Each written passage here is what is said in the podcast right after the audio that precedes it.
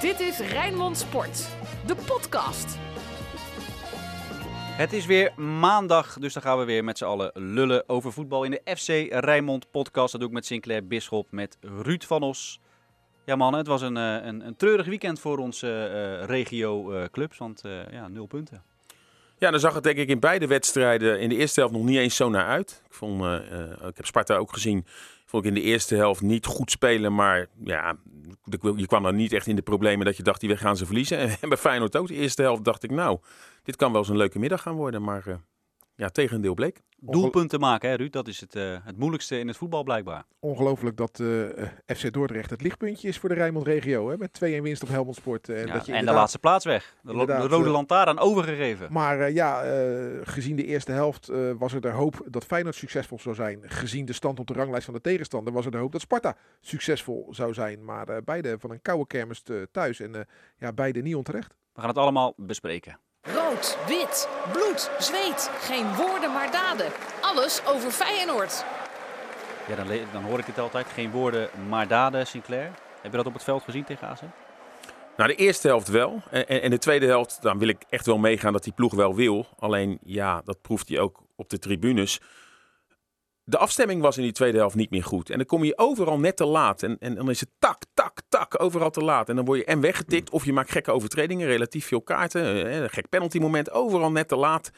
Ja, en eh, dan ga je er uiteindelijk over 90 minuten ook gewoon verdiend eh, vanaf. Maar ja, eerste helft wel goed, tweede helft niet goed. Dit was exemplarisch denk ik voor het hele jaar. Die wisselvalligheid bij Feyenoord. Ja, ze begonnen eh, fantastisch. Een fantastische bal van Berghuis. Zo. Senesi kopt hem binnen. Hè, dat was gewoon, zo moet je eigenlijk, het was geen vrije trap, dat weet ik. Maar zo moet je elke vrije trap aansnijden. Zo moet je eigenlijk elke voorzet aansnijden. Dan hoeft Senesi er eigenlijk alleen maar tegenaan te lopen. Ja, ik, ik vond echt, ik vond, nou, ik vond het wel knap dat hij hem toch nog naar beneden wist te drukken met zijn hoofd. Maar die bal van Berghuis was, was geweldig natuurlijk. En ja, dan ga je er even voor zitten. Hè? Dan, eh, maar ja, eh, kijk, dit is een, ik noem dit een niet te verdedigen goal. Hier kan je geen speler van AZ kwalijk nemen dat dit gebeurt. Dit was gewoon een perfecte voorzet en perfect ingekopt. Hè? Die tweede goal van Feyenoord, ja, dat is natuurlijk een heel handig verhaal. Hè? Dat is gewoon Oh, wat- miscommu- wat- iets miscommunicatie, mis? miscommunicatie, waarbij ik toch meer geneigd ben om naar de keeper te gaan. Ja, Waar ging zeker, ja. Ging die keeper nou heen? En, en Martens Indy deed volgens mij niet zo heel gek veel fout. Want het is, de keeper wordt geacht in de midden van de goal te staan. Maar dat ging dan fout. Maar als je dan ziet hoe Feyenoord de goals weggeeft. Dan heb ik er wel moeite mee dat er na afloop zo makkelijk gepraat wordt eh, door trainer. Van joh, we waren zo goed de eerste helft. Nou ja, niet in alle facetten van het voetbal. Hè, want die goals geef je gewoon weg. Ja, ben je dat met, eh met Ruud eens? Dat, dat, dat eigenlijk wordt gekeken van, ja, we maken dan twee doelpunten. En tegen AZ is dat wel heel goed. En we gaan met 2-2 de rust in. Maar ja, je gaat wel met 2-2 de rust in, terwijl je eigenlijk beter bent. Ja, en met name de doelpunten hoe ze vallen. Hè. Je, weet de kracht van Boadu. Eh, die drie keer mag scoren, voor het eerst een hattrick maakt. eh, op snelheid. En als je dan ziet hoe Feyenoord de ruimtes weggeeft bij een voorsprong. Hè, eh, AZ scoort in twee wedstrijdjes eh, zeven keer tegen Feyenoord. En zeker in die wedstrijd in de Kuip hadden het er ook nog twee, drie extra kunnen zijn. Ja, dan is het wel heel naïef dat je je niet kan instellen op dit soort spitsen. Want ja, ze kunnen alleen maar eigenlijk gevaarlijk worden met dit soort ballen die je geeft op Boadu. Nou, het mooie is bij, bij die, eh, die goal waaruit de buitenkant paas van, van Stenks.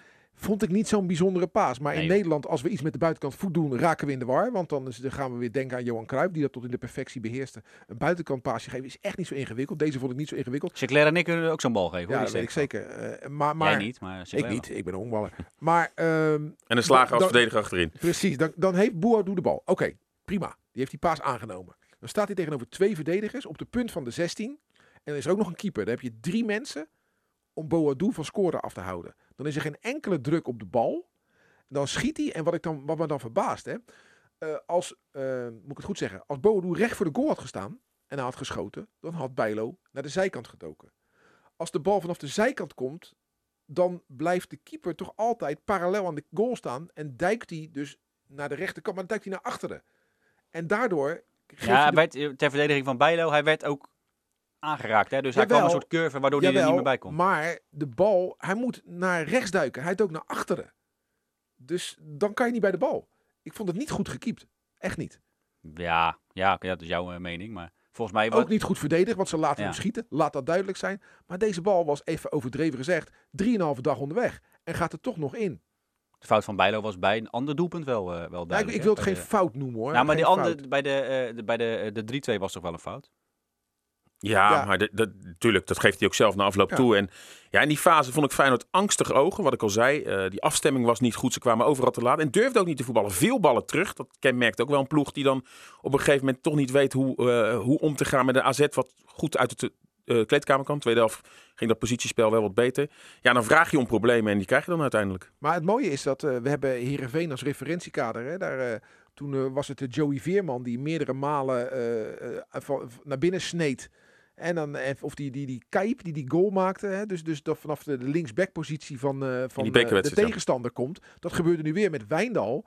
En dan is de vraag, nee, tuurlijk moet eh, Berghuis niet meelopen tot in de eigen 16. Dat moet overgenomen worden. Maar het gaat wel iedere keer fout met een verdediger die crost naar binnen. Nou, nu was het Wijndal. Dan de paas achter Senesi, die, die ik vond misschien wel niet stond goed op te letten. Werd verrast. Hé, hey, dat is Boadu In de ineens. thuiswedstrijd exact hetzelfde. Ook Ja. zo'n bal, ook achter Senesi en die gewoon eh, ja, of verkeerd staat of dan gewoon eh, eh, dat het echt een wereldbal is. Maar ik denk het eerste. Nee, precies. Dus ik vind het lullig om te zeggen. Want voor de winterstop hadden we in ons hoofd Senesi al voor eh, 30 miljoen verkocht. Ja, ik denk dat je blij mag zijn als je de 20 krijgt. Maar ik denk dat die per wedstrijd nu met een paar miljoen minder waard wordt. Want ik vind hem gewoon niet goed spelen de laatste tijd. Nee, nee dat klopt. Eh Bijlo hebben we net al eventjes genoemd. Hè? Ehm, liep ook weer een beetje te. Eh, eh, altijd wel last. Ergens van moet je niet gewoon zeggen... Marsman is fit. Marsman doet het goed. Die laten we gewoon tot het einde van het seizoen staan. Justin Bijlo, ga jij lekker trainen op het trainingsveld. Ga jij lekker fit worden. En ga jij heel de zomer eraan doen dat je topfit bent. Zodat we volgend seizoen een keer een heel seizoen... Ja, vind, dat vind ik wel een moeilijke discussie. Want eh, het nadeel is dat er nu dus geen wedstrijden zijn, oefenwedstrijden. Ja, straks is er een interlandbreek. Komt overigens Dirk Kuyt, komt dan een week meelopen. Mhm. En dan gaan ze ook een oefenwedstrijd spelen die Dirk Kuyt gaat coachen. Dat terzijde.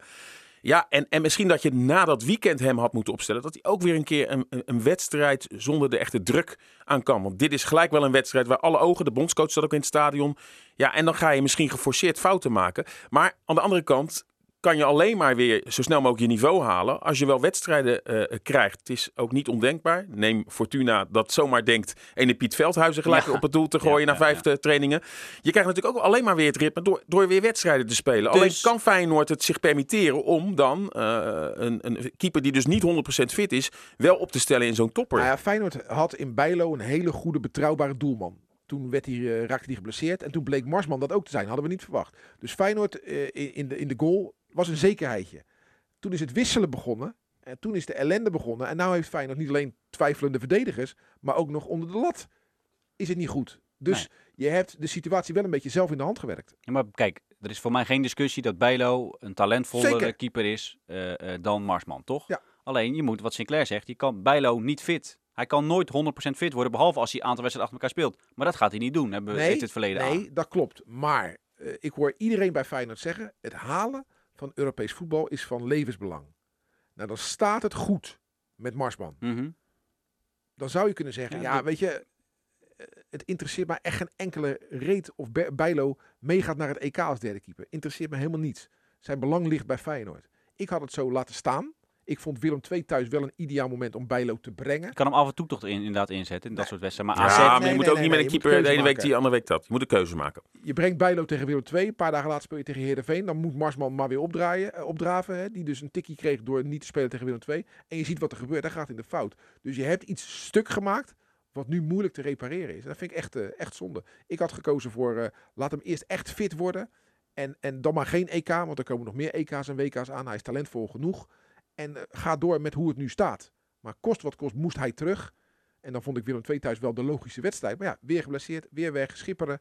En de ellende onder de lat is er nu ook. Daar waar de ellende met de verdedigers nu ook eh, volop is. Dus Spa- eh, sorry, Feyenoord is heel onzeker en kwetsbaar geworden. ja, feit blijft wel dat eh Dick Advocaat gewoon, als Bijlo fit is, voor Bijlo kiest. Dat heeft hij nu wel bewezen tot twee keer toe, toch? Ja, het is wel gewoon je eerste doelman. Hè? Ja. Ik bedoel, eh, eh, als burgemeester eh, Abu Taleb ziek is, dan is er een loco-burgemeester. En die, Ja. die, die doet het dan misschien goed, daar wordt hij ook voor betaald. Maar dan gaan we ook niet zeggen, hey, die heeft het zo goed gedaan.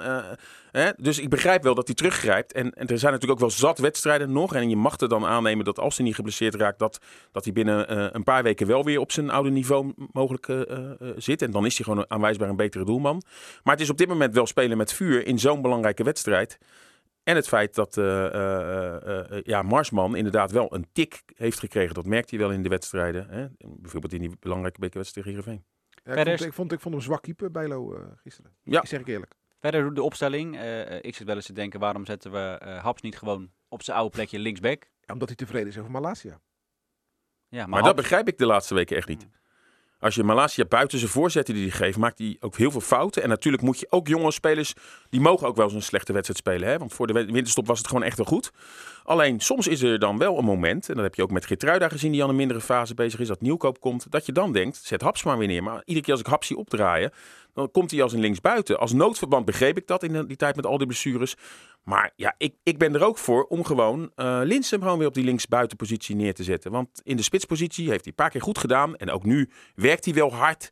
Maar het is ook wel weer een noodoplossing. En ik denk dat als hij op de linksbuitenpositie gaat lopen, eh, dat dat een bonus is. Dan, hij, hij, hij pakt en, echt en Sinistera dan? nou, Sinistera kan je of achter de spitsen. Ik zou hem in sommige wedstrijden ook gewoon wel op de rechtsbuitenpositie willen zien. Hij is er van origine een rechtsbuiten. Eh, en Berghuis dan? nou, er zijn ook wel wedstrijden dat Berghuis misschien eh, eh, eh, die, die, gewisseld kan worden.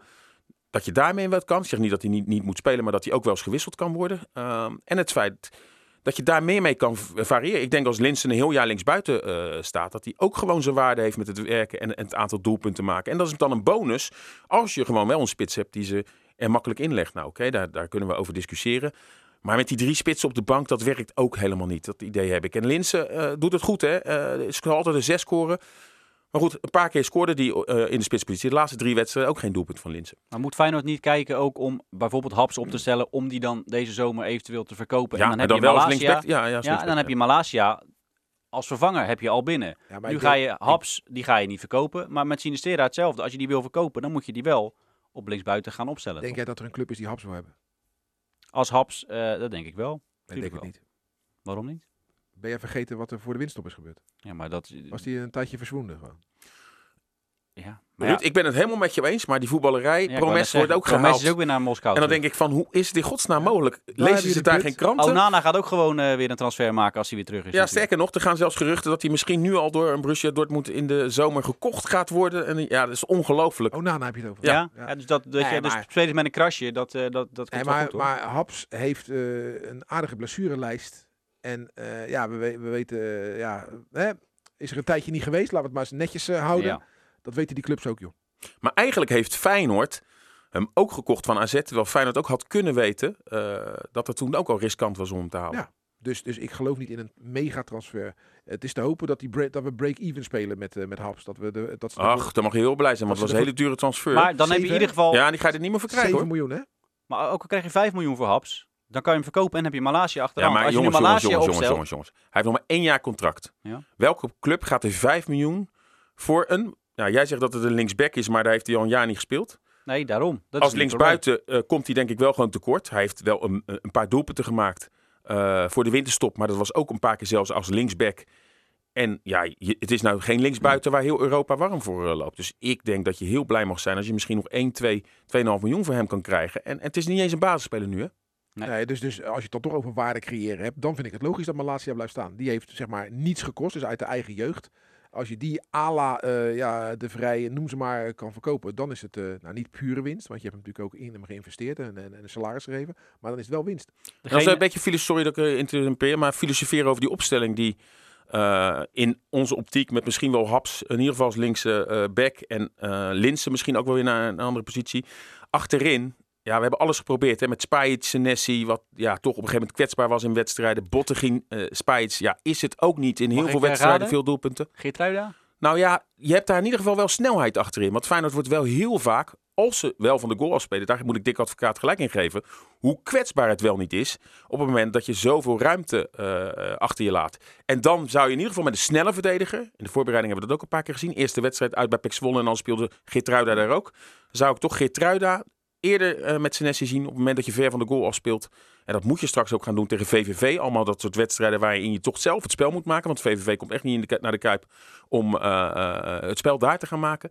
Ja, ik zou opteren dan Geertruida Ja, centraal naast... die, heeft het eh, een aantal keren zo uit zijn handen laten vallen. Dat Die is helemaal uit de gratie de bijna. bij Dick. geen vertrouwen meer in Geertruida heeft. Hè? Maar je hebt wel snelheid achterin en dat mis je wel. dat zie je bij gisteren. eh, de Sureni Martina is ook snel. Maar je moet wel een beetje kunnen voetballen natuurlijk. En daar heeft, niet, heeft hij niet goed gedaan na de... Na de Maar Spijts en Bottegien geven ook niet thuis. Kijk, inderdaad, ik ben het met je eens als op dit moment die verdedigers daar staan en die doen het geweldig. Dan zeg je, dan ga ik dat niet doen. Maar op dit moment eh, zijn dat ook geen zekerheidjes. Wat heb je nog te verliezen? Nou, heel veel. Een heleboel. Heel veel. Ja, want als we de balans gaan opmaken, het leek even op dat de tweede plek nog eh, eh, misschien wel Nou, kon. ben, je, ben je al klaar met de wedstrijd? Want er zijn nog wel elementen in de wedstrijd die ik nog wel wil bespreken hoor. Ja, vertel. Onder andere de heer eh, S. Berghuis. Ja, maar komen we zo op. Maar Oh, als jij nu eh, S. Berghuis gelijk wil benoemen, dan mag dat ook. Nee, maar wat die doet, kan echt niet. En eigenlijk, ja, is het jammer dat hij geen rood heeft gekregen. Want wanneer gaat deze jongen nou eens leren dat hij dit niet moet doen? Niet? Nee, hij, eh, hoe ou- oud zijn 29? 28? Ja. 29? Nou, ja, als je dat al heel je leven doet. dit is gewoon bewust uit zijn op ellende. Dit heeft niets met voor de bal gaan te maken. Dit is gewoon je, je, je, je been een halve meter boven de grond hebben. Terwijl, Maar wil hij dan een rode kaart pakken om dan... eh, Nee, nee, er, is, er komt gewoon kortsluiting. Ik vind het dan nog wel erger dat advocaat op de persconferentie zegt, ja, dat hoort erbij. Nee, want voor hetzelfde krijg je rood. Eh, en dan moet je hem de komende wedstrijden missen. We hebben gezien wat er in eh Heerenveen in de bekerwedstrijd is gebeurd. Twee keer geel, waar de eerste overtreding ook zo'n gekke overtreding was. Eigenlijk soortgelijk. Dus dat moet je niet goed praten. Dick Advocaat zegt dat toch gewoon om van het gezeik af te zijn. Zegt het is een winnaar. en die zal Nou, toch tegenwoordig wel... kan, na de clash die ze hebben gehad, kan, kan er geen verkeerd woord meer over uh, daarom, Berghuis dus- af. Elke wedstrijd speelt hij goed. Ja, daarom.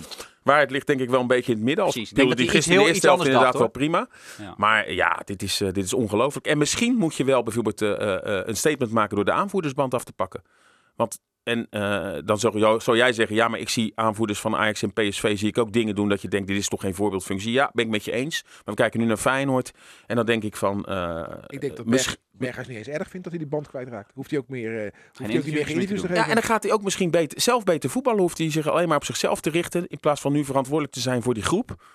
En gisteren zat Frank de Boer er ook. Ja, als hij de keuze moet maken tussen Stenks en eh, eh, Berghuis, sluit ik niet uit dat, die, eh, dat dat steeds meer richting eh, Kelvin Stenks gaat. Die ook niet elke wedstrijd briljant speelt. Maar die heeft in ieder geval niet dit soort gekke, gekke fratsen in zo'n slotfase. Nee, en onze informatie is dat Berghuis dan een blessure, eh, dat dat eigenlijk helemaal niet geblesseerd was, maar dat hij er gewoon uit wilde dat hij er klaar mee was.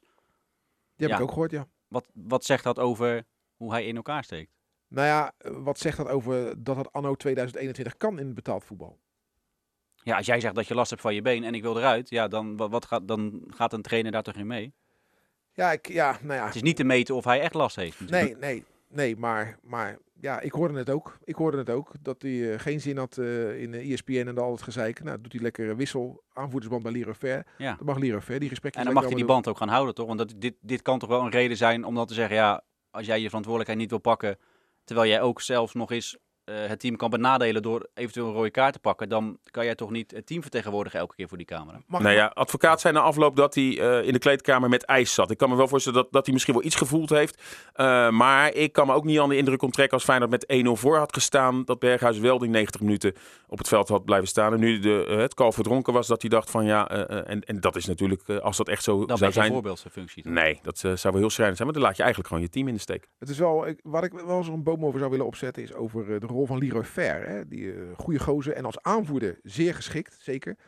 Maar eh, we, hebben, wij kijken nu steeds naar Spajic, naar, naar Senesi, naar, de, Bottegien die het niet goed doen. Maar dat heeft volgens mij ook mee te maken dat Ver niet zo goed speelt. Deze laatste weken minder. Al moet ik wel zeggen, de eerste helft vond ik juist dat middenveld goed staan. Want toen dacht ik echt, hè, we hebben heel vaak met Diemers op het middenveld gestaan. Soms echt dynamisch kwam Feyenoord er echt doorheen in de eerste helft. Maar in de tweede helft zie je dan maar meerdere. Dan zie je dat grote verschil. En ook Leroy Fair. En dat zou dan toch ook wel weer met fitheid te maken kunnen hebben. Hè. Speelde afgelopen eh, eh, woensdag in Groningen. En misschien is dat dan toch weer te veel. Ja, daar zou je dan toch ook naar moeten kijken. Want bij een topclub moet je nou eenmaal zeker. Hè, als Feyenoord door was gegaan in Europa of in de beker. Had je nu komende woensdag tegen Ajax gemoet. Daar moet je ook naar kijken. Dan kan je niet alleen naar de kwaliteiten kijken. En, en, en, en, en een fitte fair eh, is belangrijk voor Feyenoord. Dat hebben we in het verleden ook gezien. Maar ik denk dat je, en Arne Slot ook, allemaal dit soort dingen mee moet gaan nemen naar volgend jaar. En maar als je kijkt naar de alle grote ploegen, hè, die, dan kijk je natuurlijk naar de Messi's en zo, de Ronaldo's. Maar dat zijn allemaal ploegen met een, met een goede zes. En, en, en ik vind eh, Ver niet zo'n goede zes. Ik vind hem traag. Ik vind hem... eh, en, ja, eh, eh, hij, hij, Heeft hij, Feyenoord iemand in de selectie die dat beter zou kunnen? nou, vind ik, vind ik moeilijk. Uh, Toornstra heeft er ook gespeeld. Was ook niet altijd een, eh, een succes natuurlijk. Hè, want we Ver is al lang uit geweest vanwege een eh, blessure. Maar eh, ik vind dat je bij verdedigende fouten niet alleen naar de verdedigers moet kijken. Maar ook wat er daarvoor allemaal gebeurt. En als zo'n Wijndal zo dwars het middenveld oversteekt. Dan vraag ik me ook af, waar zijn de middenvelders dan? Ja, nee, absoluut. Maar en wanneer gaan wij stoppen met eh Kukshu een, eh, een geweldig talent te vinden? Nou, die vond ik de eerste helft vond ik hem eh, echt goed spelen. Vond ik hem een van de uitblinkers. ja, Tweede helft ook niet. veel Maar balverlies, Veel, Ja, maar dat- dat gold op een gegeven moment voor de hele kansen? Nou ja, als hij, hij kreeg een bal op de 16 die hij dan weer. ja, hij, moet, hij, hij kreeg heel veel kansen, zeg maar, hoe zeg je dat? Een, potentiële kansen, zeg maar. Waar hij op een plek moet komen, waar hij moet staan en dan moet hij die bal erin schieten. En nu schoot hij weer een balletje voorlangs in de eerste helft. Dat je denkt, ja, schiet, schiet hij op doel. Ja, maar ik, dan kan je, eh, denk ik, hè, maar eh, hij- Diemers hij- heeft daar een paar keer gespeeld. Die, die, die, die deed denk ik ook niet Nee, veel ik beter ook dan niet dat Diemers veel Nee, maar beter is. Maar... Eh, ik vond juist, eh, maar dat is mijn eh, persoonlijke mening, juist tegen Groningen en AZ vond ik eindelijk wel weer wat, wat, wat signalen dat ik dacht van nou, Kukcu is op de weg terug. Dat hij er nog niet is, ben ik met je eens. Maar ik vond hem nou gisteren geen dissonant in de zin van dat hij een tot de mindere Feyenoorders behoorde, vond ik dan. Is ook een, eh, gaat ook een eigen leven leiden. Hè? De, de, de 30 voor uh, Senesi. En er was op een gegeven moment de 25 voor uh. En dan denk ik van ja, wie gaat in godsnaam 25 miljoen euro voor Kuksu geven? joh? Ja, niemand. Toch? Nee, maar dat zijn dan wel verhalen die dan rondgaan. En de- waar we dan mee aan de haal gaan. Zo van, je- we gaan elkaar een beetje napraten. Hè, 30 miljoen Senesi, 25 miljoen Kuksu. Ja, ik moet het nog maar zien hoor. Dus is het heel erg van belang om Europees voetbal te halen. Nou, weet je wat het is? Kijk, die jongens hebben echt wel kwaliteiten. Eh ook Kukcu is gewoon tweebenig. Daar, daar, daar ben je, heb je al als middenvelder een voordeel van. Hij scoort te weinig. Er zijn gewoon aan verbeterpunten. En de vraag is aan hem of hij dat gaat oppikken. Er zijn Hmm. zat eh, spelers die eh, pas later, hè, waar het kwartje ging vallen. Feit is wel dat clubs die heel veel geld neerleggen, die kijken niet naar Feyenoord RKC, die kijken niet naar Sparta Feyenoord, die kijken naar Feyenoord in Europa. En dus was het heel belangrijk geweest als Feyenoord nu nog in het Europese Daar heeft voetbal hij een mooie goal gemaakt. actief hè, was uiteindelijk. geweest. Ja, maar goed, niet Nou ja. voorrondes. Dan wil je dat ze er nu nog in zitten. Feyenoord zit ook niet in de beker. En Feyenoord gaat, speelt ook geen eh, eh, rol in de titelstrijd. Ja, je moet natuurlijk... Het is niet reëel om te denken dat de clubs gaan shoppen bij de nummer 4 of 5 van Nederland.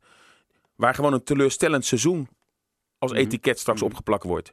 En dan ga je echt die bedragen niet vangen. Als Feyenoord wel nog in de beker zat, nog in Europa, eh, eh, misschien wel eh, eh, eh, om de titel mee had gestreden, dan hadden diezelfde spelers misschien wel met hetzelfde wat ze brengen, die komen dan wel op de radar. Want ze nu dan spelen ze wel goede wedstrijden. En ja, daarvoor is het niet reëel te denken inderdaad dat Feyenoord dit soort bedragen gaat Ja, dat vind ik altijd wel mooi. Dat, dan, dan, dan, dan gaat er natuurlijk tot frustratie van Rotterdam weer een groot talent uit Amsterdam voor veel geld weg. En waarom bij ons dan niet? Ja, waarom bij ons dan niet? Als je dat jezelf afvraagt, dan heb je een beetje zitten snurken. Hè, Ajax wordt eh ieder jaar kampioen, eh, speelt Champions League. Heeft een paar jaar geleden zelfs in de finale Europa League en halve finale Champions League gestaan. Ja, dan, dan loopt je prijs Ja, maar spelers op. van AZ en eh, Vitesse en Groningen die gaan voor meer geld weg dan bij Feyenoord. Bij AZ ook, hè? Zo'n Ja. Vincent Jansen en zo. Maar die hadden ook een extreem goed seizoen. En Kuksu heeft geen extreem goed seizoen. Senesi heeft geen extreem Maar goed Haller bij. Utrecht gaat ook voor heel veel geld weg. Ja, maar die had ook een goed seizoen. Ja, maar bij Feyenoord als ze een goed seizoen hebben, gaan ze voor veel minder weg. Nou, weet je wat het is? Uh, Bevilbert toen met Royston Drenthe. Die had een paar keer was die ingevallen bij is een Feyenoord. uitzondering, Da- nee, maar daar komt hij helemaal niet op de radar. Maar toen speelde hij ineens een gigantisch geweldig EK Ja. onder de eh, Oh, ja, 21. ja, ja, ja. En op basis daarvan, daar kijken clubs naar. En dadelijk heb je een EK voetbal. En stel dat een Bosniek daar drie keer een bal verkeerd raakt. Want die wordt waarschijnlijk, hè, eh, eh, die is Slovaakse ploeg. eh, stel dat Jurgensen wel meegaat. Dan heb je kans dat je daardoor... Er zijn zat eh, spelers die dan een transfer maken. eh, en uiteindelijk blijken ze dan toch niet goed genoeg te zijn. Dat hebben we met Drenthe gezien, niet goed voor Madrid. Ook die Games werd door Madrid gehaald op basis van een WK... waar hij ineens twee keer eh, van afstand een goal maakte. Daar werkt het, zo werkt het ook. Hè? Dat je straks met een goed EK... en daarom is het misschien toch handig als Berghuis meegaat... en daar misschien twee keer twee goede wedstrijden speelt. Op basis daarvan word je gehaald. Ik, ik, ik, ik hoorde pas Eloy Room... die is nu kampioen geworden met Columbus Crew... Enkel en alleen omdat hij toen bij de Gold Cup keepte die een fantastische wedstrijd tegen eh, Amerika. En zo komen transfers vaak tot stand. Ik hoorde van de week Dennis zeggen van hè, dat de Berghuis eh, kan nu voor 4 miljoen weg. Maar elk bedrag daarboven, dat delen Feyenoord en Berghuis dan. Maar ja, er is toch geen club die meer biedt dan 4 miljoen. Als je dit nu, iedereen weet dat het 4 miljoen is, Ja. toch? Nee, nee, maar dat is ook een nadeel van Feyenoord. Iedereen weet ook in de voetbalwereld Ja. dat Feyenoord aan de geelhonger zit. Ieder- Ja. Iedereen weet dat Feyenoord geld nodig heeft. Dus niemand gaat toch de hoofdprijs bieden. Nou, als hij een heel goed jaar zou hebben of een goed EK en er zijn meerdere clubs, Ja. dan bieden ze een beetje tegen elkaar op. Tuurlijk, tuurlijk. Alleen maar, op dit moment, ja. eh, maar het is wel, het is wel eh, jij gaat toch ook niet voor een, eh, een, een nieuwe fiets 9000 euro betalen. Dat, dat, dat- weet je, wel, je, je- stel dat je gecharmeerd raakt van Berghuis en je weet dat je hem voor 4 miljoen kan halen. Nou, dan, dan zeg je toch, hier heb je die 4 miljoen. Of, of je begint met 3 miljoen. En, Maar je gaat eh, niet zeggen, nou zullen we 8 doen. maar er is toch nog nooit een club, behalve PSV dan geloof ik, echt concreet geweest voor hem. Terwijl, en hij speelt nu helemaal geen goed seizoen. Dus waarom zou iemand nu wel geïnteresseerd ja, weet je, daar moet je natuurlijk wisselen naar kijken. Wij vinden dat hij geen goed seizoen speelt, maar heel veel clubs kijken gewoon naar cijfers. En zijn cijfers zijn gewoon goed. Ja, door 8 strafschoppen. Ma maakt niet uit, zijn cijfers zijn gewoon goed. Datzelfde geldt voor Gio Marquis. Eh, die heeft ook geloof ik eh 8, 9 strafschoppen. Ja, maar eh, die heeft dan wel 24 goals. En Ja, nee, maar Ja. eh, om een perspectief te zien, Nee, heel ja. veel clubs kijken naar cijfers. zet, kijk naar de cijfers van de laatste drie, vier jaar en je ziet wel een speler. En zo wordt er vaak wel gekeken. Dus uh, alleen ja, wat Ruud zegt, uh, ja, zij weten ook uh, één jaar contract hierna nog. Dus die zullen hem, als ze hem willen, dan zullen ze inderdaad een laag bedrag bieden. Het laatste stukje over Feyenoord nog even over het belang van Europees voetbal halen. Um, dat wordt weer heel groot. Feyenoord nu vijfde. Ja, alles op die beker voor Ajax zetten. Dat scheelt dan weer een plekje hè, met, met de Conference League. En eventueel als Feyenoord derde wordt, dan nog Europa League. Maar hoe zit het nou, Sinclair? Want... Nou, op dit moment is het zo dat als Ajax de beker niet wint, dat Feyenoord op dit moment sowieso de play-offs in zou gaan. Zelfs als Feyenoord op de vierde plaats had gestaan. En, en we weten dus, dus moet je derde staan. Dat gat met AZ is dus nu al zes punten. Mm -hmm. Dus je moet ergens hopen dat Ajax in ieder geval de beker wint. Want in alle andere gevallen dan wordt het gewoon echt wel een heel moeilijk verhaal. Moet je de play-offs in. Daar heeft Feyenoord het een, uh, geen goede geschiedenis mee. Plus dat moet je ook niet willen. Met ploegen als Utrecht, uh, Groningen, Herenveen uh, eventueel of, of, Twente straks een, een play-offs aan te gaan. Ja, en als Ajax wel de beker wint, dan moet je dus vierde worden. en dan ga je die Conference League in. Dat is geen geweldige Europa Cup. Maar ja, daar valt in ieder geval nog wel wat geld te verdienen. Dus wat dat betreft wordt het spannend. Feyenoord met Vitesse op dit moment, daar ziet het naar uit rond plek 4. Want ja, in de maand waar het moest gebeuren, de twee maanden waar het moest gebeuren, heeft Feyenoord gewoon niet thuisgegeven. Nee. En Ruud, wat denk jij? Is, is zo'n vijfde plek bij Feyenoord te staan? Of, of, zie jij ze nog wel boven Vitesse en misschien boven AZ eindigen? Nou ja, wat, wat Sinclair zegt, er, er komen wat makkelijkere thuiswedstrijden aan. Maar natuurlijk ook nog. Maar hoe, hoe, vaak speelt Feyenoord een makkelijke thuiswedstrijd? Ja, nee, dat, nou, ja, nou ja, ze hebben dik gewonnen van, van was het? Willem, Willem II. Bijvoorbeeld. Dus het kan wel. Het kan wel. Maar uh, ja, wat ik zeg, de geest is wel een beetje uit de fles. Dus, uh, en je moet nog naar Eindhoven en Ajax komt nog. Ja, ik durf er geen geld op te zetten dat Feyenoord zomaar even vierde wordt. Hoe staan de koppen en hoe zitten de noppen bij Sparta, Excelsior en FC Dordrecht? Dit is het Rijnmond voetbaloverzicht. Op het moment van, uh, dat we dit opnemen, Excelsior speelt op maandagavond. Dus uh, uh, daar weten we de uitslag nog niet van. FC Dordrecht dus gewonnen. Hè, het, het, lichtpuntje uit, uit onze regio. En Sparta tegen Willem II, waar toch iedereen best wel makkelijk van wint. Met 0-2 onderuit, Ruud. Ja, dat was de, ja. Ja, misschien wel de grootste teleurstelling van, van dit seizoen. Ja? Ja, je, je kan verliezen. En ook van Willem II kan je verliezen. Maar het gaat om de manier waarop. En uh, Sparta heeft uh, nauwelijks iets gecreëerd. Ik, ik zei gekscherend in de tweede helft. En dan heb ik het puur over het begin van de tweede helft. 100% balbezit. En nul kansen. En een goal voor Willem II. En Sparta was continu aan de bal, maar werd niet echt gevaarlijk. En er kwam, dat zie je altijd, hè, als de ploeg ruikt van hey, nu, nu, nu kan het. Nu kan het. Momentum. Van Marwijk heeft het er altijd over. Nu kan het. Dan gaan ze ook wat sneller die bal rond laten gaan. Dan is er, normaal gesproken gaat het publiek er dan achter staan. Nou, dat is dan nu niet het geval. Maar je, je voelde hem gewoon aankomen. Hè. Sparta bovenliggende partijen en weer, en weer die helft op en weer die helft op. Maar nooit kwamen ze bij Moeric. Nooit. Maar het is een beetje een structureel probleem toch voor Sparta? In het begin van het seizoen heel vaak uh, gezien dat ze niet, uh, geen doelpunten maakten. Toen uiteindelijk ging het wel een beetje lopen. En nu hebben ze eigenlijk weer datzelfde probleem. Nou, sowieso na de winterstop uh, komen ze gewoon hè, bepaalde spelers. Lennart T, na de winterstop. Sinds jij dat liedje voor hem ja. gemaakt hebt, raak je geen pepernoot meer. Maar dat was natuurlijk wel toonaangevende spelers. Ja, en, en, en die spelers die dan reserve staan waarvan je verwacht die brengen misschien het gif voor de winterstop. Hè? Als Burger erin kwam, gebeurde er wat. Nu kan, uh, komt bijvoorbeeld voor Test erin. Ja, het, het wordt er goed in, uh, Sinclair? nou, wat denk je? Nee, maar ik bedoel, uh, er zijn ook niet de twaalfde, dertiende man. Mijnans, die kreeg dan nu weer een basisplaats. Ook totaal niet gezien. Nee, en Haroui, de beste precies, man, vind dat ik wilde ook. ik zeggen. Dat wat, wat, wat we over Kukshoe zeggen. Van die gaat nooit 25 miljoen opbrengen. Uh, maar dat kunnen we hetzelfde zeggen over Haroui en zijn 3, 4 miljoen. Op deze manier gaat hij nooit die 3, 4 miljoen opbrengen hoor, uh, Haroui. Zeker niet. Nee, en, en moeten we nog even over FC Dordrecht hebben, wat gewoon knap is, toch? Dat ze, uh, wat ja, want Sparta gaan we het langer over hebben in de podcast. Ja, nee, dinsdag, morgen hè? uiteraard de Sparta-podcast uh, voor alle liefhebbers van Sparta, dan met Anton en ook met Ruud. Dus daar gaan we het uitgebreid nog over, uh, over Willem II, Sparta Willem II hebben. En natuurlijk vooruitblikken op Emmen Sparta, wat een hele belang, belangrijke wedstrijd wordt vrijdag. Nee, ik heb Dort gezien. en ja, die spelen zo nu en dan best wel leuk voetbal. En uiteindelijk dik verdiende overwinning. Uh, ook een goede rol voor Bannes. Uh, ja, dat is belangrijk toch voor, voor die jongen. Dat hij nu eindelijk eens een keer gewoon achter elkaar iedere week kan spelen. Ja, alleen uh, is het wel de vraag. had hij niet misschien naar een, een wat hogere club? Hè? Ja. Maar heeft ja. hij die kwaliteit? als Feyenoord. Ja, maar als je bij een Cambuur of een De Graafschap echt meedoet om, om, om promotie. Misschien dat dat eh, belangrijker is voor zo'n jongen eh, eh, dan bij FC Dordrecht. Al ziet hij wel in de krochten van het betaalde voetbal, zie je dan wel hoe het ook uh, eraan toe gaat. Hè? Soms worden de spelers daar wel sterker van, omdat het, ja, het is niet gepolijst, niet alles staat voor je klaar. bij Feyenoord word je helemaal in de watten gelegd. En dat is ook soms heel goed, een goede leerschool. Dus misschien dat hij er juist, juist extra wat aan heeft om bij Dordrecht te spelen. Twee goals Moussaba, prima. Ja? Nou, niks meer aan toe te voegen. Wie viel erop deze week? En op wie moeten we gaan letten?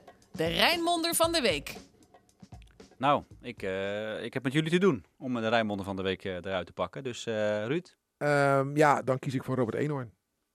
Directeur van AZ, twee keer van zijn Feyenoord gewonnen. En ja, ik vind het mooi de onverstoorbaarheid van, van Eenhoorn. Heeft zowel qua stadion shit over zich heen gekregen doordat er ineens een dak vervangen moest worden en allemaal problemen en verplaatsen. Dat heeft die club goed doorstaan, AZ.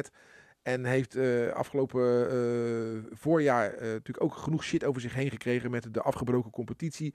Waarvan hij vond dat AZ wellicht recht op meer had. En ehm, ja, ik vond dat onterecht, want ik vond dat hij hele goede argumenten had. En uh, als de KNVB dan niet thuis geeft op het moment dat jij vier, vijf keer vraagt van joh, leg je even iets echt in uitleg en je krijgt vier, vijf keer geen antwoord. Ja, dan ga je een andere weg bewandelen en dan kom je bij de, bij de UEFA uit. En dus uh, ja, ik vind het onterecht dat uh, Eenhoorn veel kritiek krijgt. Ik vind het, dat hij het daar goed voor elkaar heeft in Alkmaar. En ja, ik denk dat hij in zijn vuistje heeft gelachen in, in, in Heilo gisteravond toen hij toch eens de samenvatting zag en dacht van ja, 4-2, toch niet verkeerd. Nee. Hij zat in het stadion. Maar hoe zuur zou AZ niet zijn van die punten die ze aan het begin van het jaar door een beetje ja, arrogantie. Nou, die wedstrijd op het kasteel. Bij de rust had het 6-0 moeten zijn. Ze missen nog een penalty. Uh, en het wordt uiteindelijk 4-4. En bij Fortuna 1-3 voor in de slotfase helemaal niks aan de hand. Kans op kans. Boadou die hem erin kan lopen.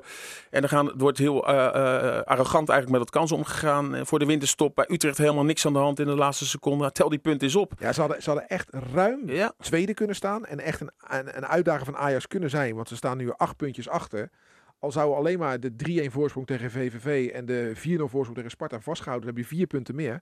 Ja, dan, dan, dan sta je er eh, met 53 punten. Dan hijg je Ajax nog aardig in de nek hoor. Voordat dit de AZ-podcast wordt, uh, Sinclair. Maar dat is mijn Rijnmond van de Rijnmond week. Van de komt gewoon uit Rotterdam. Ja, ja uh, uh, bij Feyenoord en bij Sparta zijn gewoon geen lichtpuntjes te noemen. je zou Moussaba kunnen noemen met zijn twee goals. Maar dan ga ik voor Anwar Ogazi, jongen uit Barendrecht. Ooit in de Feyenoord jeugd begonnen. bij Sparta gezeten en bij de club in Amsterdam. Uh, maar daar uh, is hij op een gegeven moment weggegaan en via Lille in Engeland terechtgekomen. En is daar gewoon echt een grote meneer. En nu wonnen ze met 0-1. Hij speelt bij Aston Villa uh, bij Leeds. Nou ja, Anwar Ogazi vind ik dan Rijnmonder van de week. Als je in de Premier League gewoon basisspeler bij de nummer 9 van de Premier League. Ja, ja, Doe het gewoon goed hoor. Mag, Absoluut. Ook, mag je ook wel het Nederlands elftal toch? In plaats van ook, uh, Steven Berghuis die bij de nummer 5 in de Eredivisie speelt. Nou ja, zo is, jij zegt het, ik denk het. En uh, ja, het, het, het, gaat goed met hem. En uh, ik dacht heel even toen hij wegging bij Ajax naar Lille. Natuurlijk geen krokettenploeg, maar ik dacht van ja, waar, waar gaat dit eindigen? Maar ja, in de Premier League nummer 9, oh, wat, nou speelt hij toevallig voor lege stadions. Maar wat, wat, dat is toch geweldig. Als je Zeker, gewoon uh, basisspeler bent bij een, een goede Premier League ploeg. Dat is echt iets om jaloers op te worden. En ja, qua bankrekening ook. Wat ik nog wel heel grappig vond is uh, Denzel Dumfries, ook onze regiogenoot natuurlijk, nou, bij Sparta gezeten, jong uit Barendrecht. Die dan uh, met zo'n Tadic bij Ajax, uh, of bij PSV Ajax dan helemaal uit zijn dak gaat. En Tadic boos en iedereen boos. En dan zijn ze ook niet meer te houden. Hè? Dan moest iedereen, hou me tegen, hou me tegen. Iedereen ja. moest die jongen tegenhouden. Ik vind het wel een beetje primitief ja. als je dat zo ziet hoor. En uh, daar kijk natuurlijk ook allemaal jeugd naar. Het zijn wel de aanvoerders van de nummer 1 en 2 van Nederland. En ja, dat daar spelers aan elkaar gaan trekken om je aanvoerders weg te houden. Ja, ik vind het... Ja, die Dumfries wilde nog iemand mij tegenhouden. Wie, wie, ja. wie, wie, van, uh, wie van PSV heeft mij nog niet tegengehouden? En als je dan achteraf hoort waar ze nou boos over waren met z'n tweeën, dan denk je, ja jongens. Ja, ik moet wel zeggen, Tadis is, ja, is wel een bloedzuiger eerste klas. En dat is wel een beetje eng hoe uh, die speler zich vaak opstelt. Hebben we ook uh, in meerdere wedstrijden gezien. Ja. Tegen Feyenoord ging hij in de slotminuut ging hij ook nog naar het gras. Dat er een zetje gegeven zou zijn. Ja, hij zal zeggen, hoe, hoe zogenaamd Berghuis ook is, ik ben een winnaar en doe er alles aan maar uh, ja, ik vond uh, dat was ook niet nodig. En, nee, uh, ik heb thuis natuurlijk een, een Servische schoonfamilie. En ja, ik weet hoe dat ruilt en zeilt. En de, de trots ja, staat heel hoog in het vaandel. En ja, iets toegeven, daar doe je niet aan. Nee, je trots. Dus, dus als één, als Dumfries iets lelijk zegt, zeg jij nog iets lelijkers. En als Dumfries daar dan weer overheen gaat, ga je daar weer overheen. Terwijl ik dan op een gegeven moment zou denken, hey, ik speel bij Ajax. Ik ben de aanvoerder, word fluitend, lachend kampioen Ik zou een lange neus maken naar Dumfries. Hè, Lekker, lekker Lange schelden. neus, leuk. Lekker, le- ja, lekker schelden, lekker schelden, lekker schelden. Ga maar joh, wij worden kampioen. Maar nee, schep je er bovenop. En dan wordt het op een gegeven moment wel een beetje gênant. Maar Ruud, wij lopen al zo lang mee dat we eh, langs het veld staan. Jij bent ook lange, jarenlang speaker geweest. Wat daar allemaal niet Ja. geroepen wordt om spelers uit hun concentratie te halen. Niet eens door het publiek, hè? Want ja, het publiek scheldt ook met allerlei woorden dat je denkt, hoe is het in godsnaam mogelijk? Denk eens na. Eh, We hoeven niet even ziektes te hebben. Nou, eerst dan dat poesie en dan heeft hij iets over eh, zijn moeder gezegd. Ja, dan moet je toch wel als speler weten van, ja, eh, dit doet deze jongen om uit het spel te halen, laat hem lekker. Maar om dan zo te reageren, nou, dan ben ik echt blij dat er geen vol stadion was. Want Nou ja, dan ik, worden er nog ergere dingen geroepen. Ooit sprak ik Robin van Persie na ADO Feyenoord in het oude Zuiderpark. En die zei ook van, eh ik zei Robin, hoe vind je dat nou dat ze, zingen dat je moeder een hoer is? En ja, toen zei hij van, eh, ja, ik wist niet dat ze mijn moeder kende. Weet je, dan maakte hij Ja. een soort van grapje Ja. over. Maar ja, Dan moet je dat toch boven staan, ja, ja. precies. Dat, dat, dat, dat, daar moet je gewoon een grapje over maken. En dat, dat deed hij goed. En ja, ik vond dit, eh, wat ik zeg, best wel eh gênant. Want het, het was echt een wedstrijdje verpissen. Nou, daar ging helemaal nergens over. Doen wij hier op de redactie gelukkig nooit. Hè? Een wedstrijdje verpissen. Sinclair, maar, daar- maar daar dankjewel. staan geen camera's op. Zag je camera's op, dat is waar. Sinclair, dankjewel. Ruud, dankjewel. Maaskant, Robert Maaskant inderdaad in FC Rijnmond. eh, uiteraard weer op maandagavond te zien. Dinsdag dus de Sparta-podcast. Daar hoef je niks te missen. Vrijdag hebben we ehm Emmen, Sparta. Zaterdagmiddag om half vijf Feyenoord VVV. Gekke tijd, maar uiteraard zijn wij er ook bij. En deze week natuurlijk het ABN AMRO World Tennis Tournament. Waarvan je op onze website en op de radio helemaal niets hoeft te missen. Dinsdagavond ook nog een extra talkshow erover. Dus eh, eh, wil je sport volgen, volg dan eh, Sport. Zaterdag zijn we ook nog bij het WK Short Track. Het is echt ongelooflijk wat er allemaal is in, in deze regio. Je hoeft niets te missen. Sinclair bedankt, Ruud bedankt en tot de volgende. Dit was Rijnmond Sport, de podcast. Meer sportnieuws op Rijnmond.nl en de Rijnmond app.